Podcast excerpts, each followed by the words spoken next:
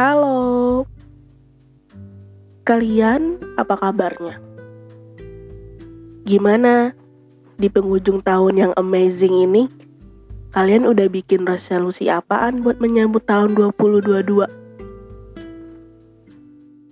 Kalau belum, bagus deh. Jangan dibuat dulu daftarnya. Mendingan fokus dulu sama apa yang sedang kalian kerjakan sekarang. Tahu sama apa yang baru aja kalian mau mulai. Karena sejatinya mengeliskan banyak resolusi bisa mengakibatkan fokusnya kalian jadi beralih. Padahal kan ada yang lebih penting yang sedang kalian kerjakan toh. Jadi bikin harapan dan doa aja. Doa dan harapan untuk diri sendiri supaya lebih disehatkan lagi jiwa dan raganya dan juga kebahagiaannya lahir dan batin. Oke? Ngomong-ngomong soal bahagia, seberapa besar sih pengaruh kebahagiaan bagi kalian? Apakah kebahagiaan orang sekitar kalian juga berdampak pada diri kalian? Yang hingga akhirnya kalian mengutamakan kebahagiaan orang lain dulu baru kalian. Karena gue sering banget nih denger ya kalimat pamungkas dari orang-orang gue bahagia kok asal lu bahagia juga gue bahagia kok ngelihat dia bahagia. Berarti kan dia mengutamakan kebahagiaan orang lain ya di atas kebahagiaan dia sendiri. Tapi kalau kalian sekarang sudah memutuskan untuk mencari kebahagiaannya kalian sendiri bagus dong. Putusan yang tepat banget. Um, karena kalau kata Bang Reza Rahardian dalam filmnya yang berjudul Kapan Kawin itu, dia tuh bilang tuh, kebahagiaan yang kamu kasih ke orang itu kayak cek kosong. Kalau kamu mau kasih uang, ya kamu harus punya uang dulu. Sama, kalau kamu mau orang-orang di sekitar kamu bahagia, ya kamu harus bahagia dulu dan itu menjadi tanggung jawab diri kamu sendiri. Gimana? Masuk akal kan? Terus kenapa? Kenapa sampai saat ini kamu terus-terusan mencoba untuk menyenangkan orang lain walau kamu tahu persis kamu tidak ingin melakukannya? Kenapa? Kenapa kamu masih sulit untuk mengatakan tidak kepada orang yang terus-terusan merongrong kebahagiaannya supaya bisa kamu penuhi. Padahal hei, ukuran kebahagiaan orang tuh pasti berbeda-beda dan kamu gak bisa terus-terusan menjadi penjamin kebahagiaan orang lain. Kasihan diri kamu, dia jadi harus bekerja ekstra supaya bisa memuaskan hasrat bahagianya orang tanpa ditanya atau ditahuin apa sih sebenarnya diri kamu itu bahagia atau enggak gitu. Kamu nggak capek besti terus-terusan menggadaikan kebahagiaan kamu. Kita boleh kok menjadi orang baik dan itu memang kewajiban kita sebagai manusia ya. Tapi segala sesuatu yang berlebihan itu sungguhlah tidak baik. Percayalah, capek lo menjadi people pleaser itu. Capek terus-terusan menjadi penopang kebahagiaan orang sampai lupa ada diri sendiri yang harus dibahagiain juga. Iya sih, mungkin kamu menjadi seperti yang sekarang ini karena ada pemicu di belakang sana ya.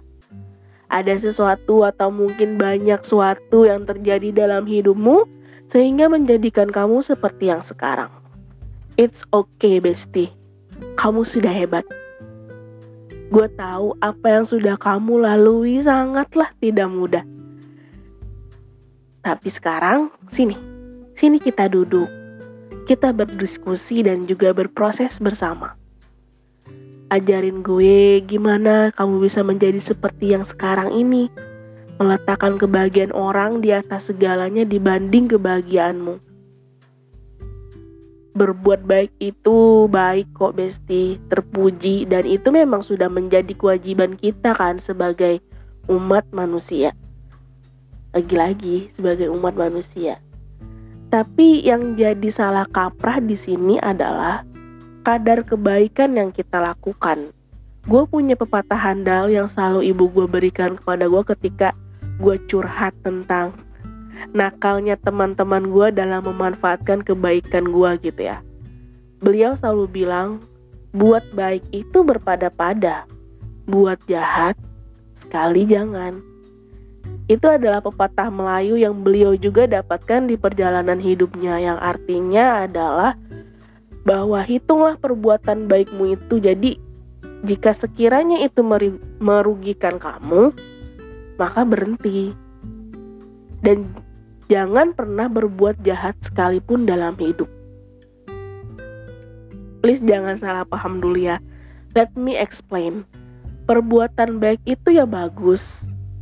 Jika memang itu baik untuk dia, orang yang sedang kamu bahagiakan itu, begitu pula baik untuk kamu, ya itu bagus. Dan jika kebaikan yang kamu lakukan untuk orang lain itu bermanfaat bagi dirinya, menjadikan dirinya seorang yang lebih baik dari sebelumnya, ya itu hebat. Berarti kan kamu berhasil dalam perbuatan kebajikan kamu ya. Tapi jika kebaikan kamu malah menjebak orang yang kamu tolong, ya bagusnya kamu langsung stop dan cabut pergi gitu ya. Mungkin kalian sobat bangku podcast di sini ada yang merasa bahwa iya gue berbuat baik karena gue kasihan sama dia. Dia hidupnya begini, dia hidupnya begitu, dia broken home, dia patah hati, dia galau dan lain-lain. Oke, tapi kita bisa lihat dari kebaikan yang sudah kita tebar habis-habisan itu. Apakah itu merubah nasib orang tersebut atau malah menjebak dia dalam kebodohan dia sendiri gitu? Kadang ada nih ya mohon maaf aja gue bilang kadang nggak sedikit orang yang selalu memanfaatkan kebaikan orang demi kepentingan hidupnya sendiri. Contoh gue nih. Teman gue mama bear tolongin dong gue lagi susah nih gue udah hancurin semuanya. Please gitu.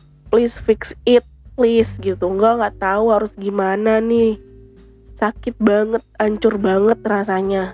Dan gue langsung oh siap. Gue bersusah payah memperbaiki apa yang perlu diperbaiki siang malam gue habiskan untuk orang ini gitu ya. Bener-bener pengen dia bisa tertawa dan bahagia lagi gimana pun caranya gitu kan. Setelah setelah gue berhasil memperbaiki keadaannya dan dia boro-boro bilang terima kasih dia cuma ngucap wah udah beres ya Oke, gue pergi dulu ya, bye. Dan dia mengumumkan pada dunia bahwa usaha dan juga perjuangan yang dia lakukan itu dia lakukan hanya sendiri.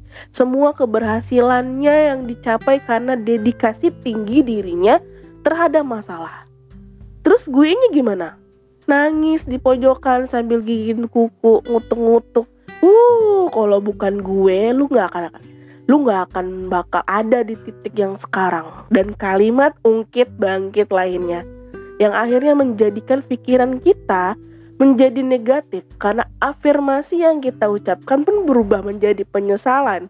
Perbuatan baik yang tadinya niat juga baik berubah menjadi jahat berubah menjadi jelek nggak beres-beres jadinya gitu. Apanya? Ya kitanya.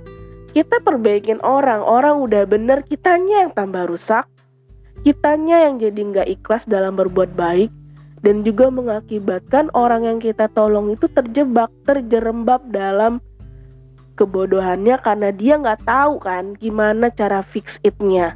Karena gue sayang sama dia, karena gue peduli sama dia, gue nggak menunjukkan caranya gitu loh.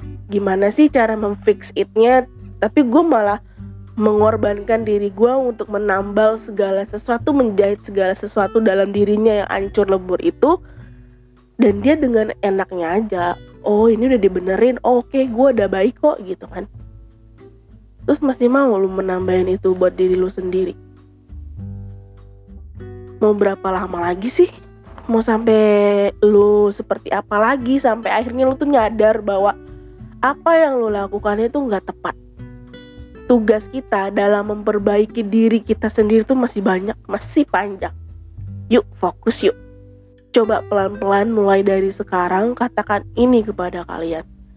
gue pantas bahagia, gue pantas tertawa, gue pantas akan semua kebaikan yang ada di dunia ini dan dan gue harus sembuh supaya gue tumbuh. Let's find, ayo temukan yang menjadi pemicu sikapmu yang seperti ini. Pelan-pelan juga gak masalah. Jika kamu sudah temukan, tinggal kamu yang tentukan mau diapakan. Jika memang perlu ketenaga lebih ahli silahkan lanjutkan. Sekarang generasi milenial, generasi Z di mana udah um, udah sadar, udah aware akan kesehatan mental. Mereka udah lebih mau menemui ahli mental dan menemui ahli mental itu bukan aib, bukan tindakan yang memalukan, tapi itu merupakan tanda cinta dan kasihnya diri kita terhadap diri sendiri. Dan bisa jadi untuk anak-anak kita nanti karena kita secara tidak langsung kita udah memutus rantai trauma yang kita punya gitu kan. Ayo guys, jangan ragu, pergilah demi dirimu sendiri. Dan jika kalian masih ragu, silakan jika kalian ingin menceritakan segala kegundahan kalian, gue nggak akan bosan-bosan mengingatkan kalian bahwa gue di sini ada untuk kalian walau gue nggak seahli tenaga psikologi atau lain hal tapi gue pengen kalian tahu bahwa gue punya cinta dan kasih yang setidaknya bisa menyejukkan hati kalian sedikit. Oke? Okay? kirim ke email mamaberharga@gmail.com atau di DM Instagram langsung at bangku.podcast terima kasih ya. Terima kasih sudah bertahan sejauh ini. Ayo kita sembuh agar kita tumbuh. Dan kalian bisa bahagia.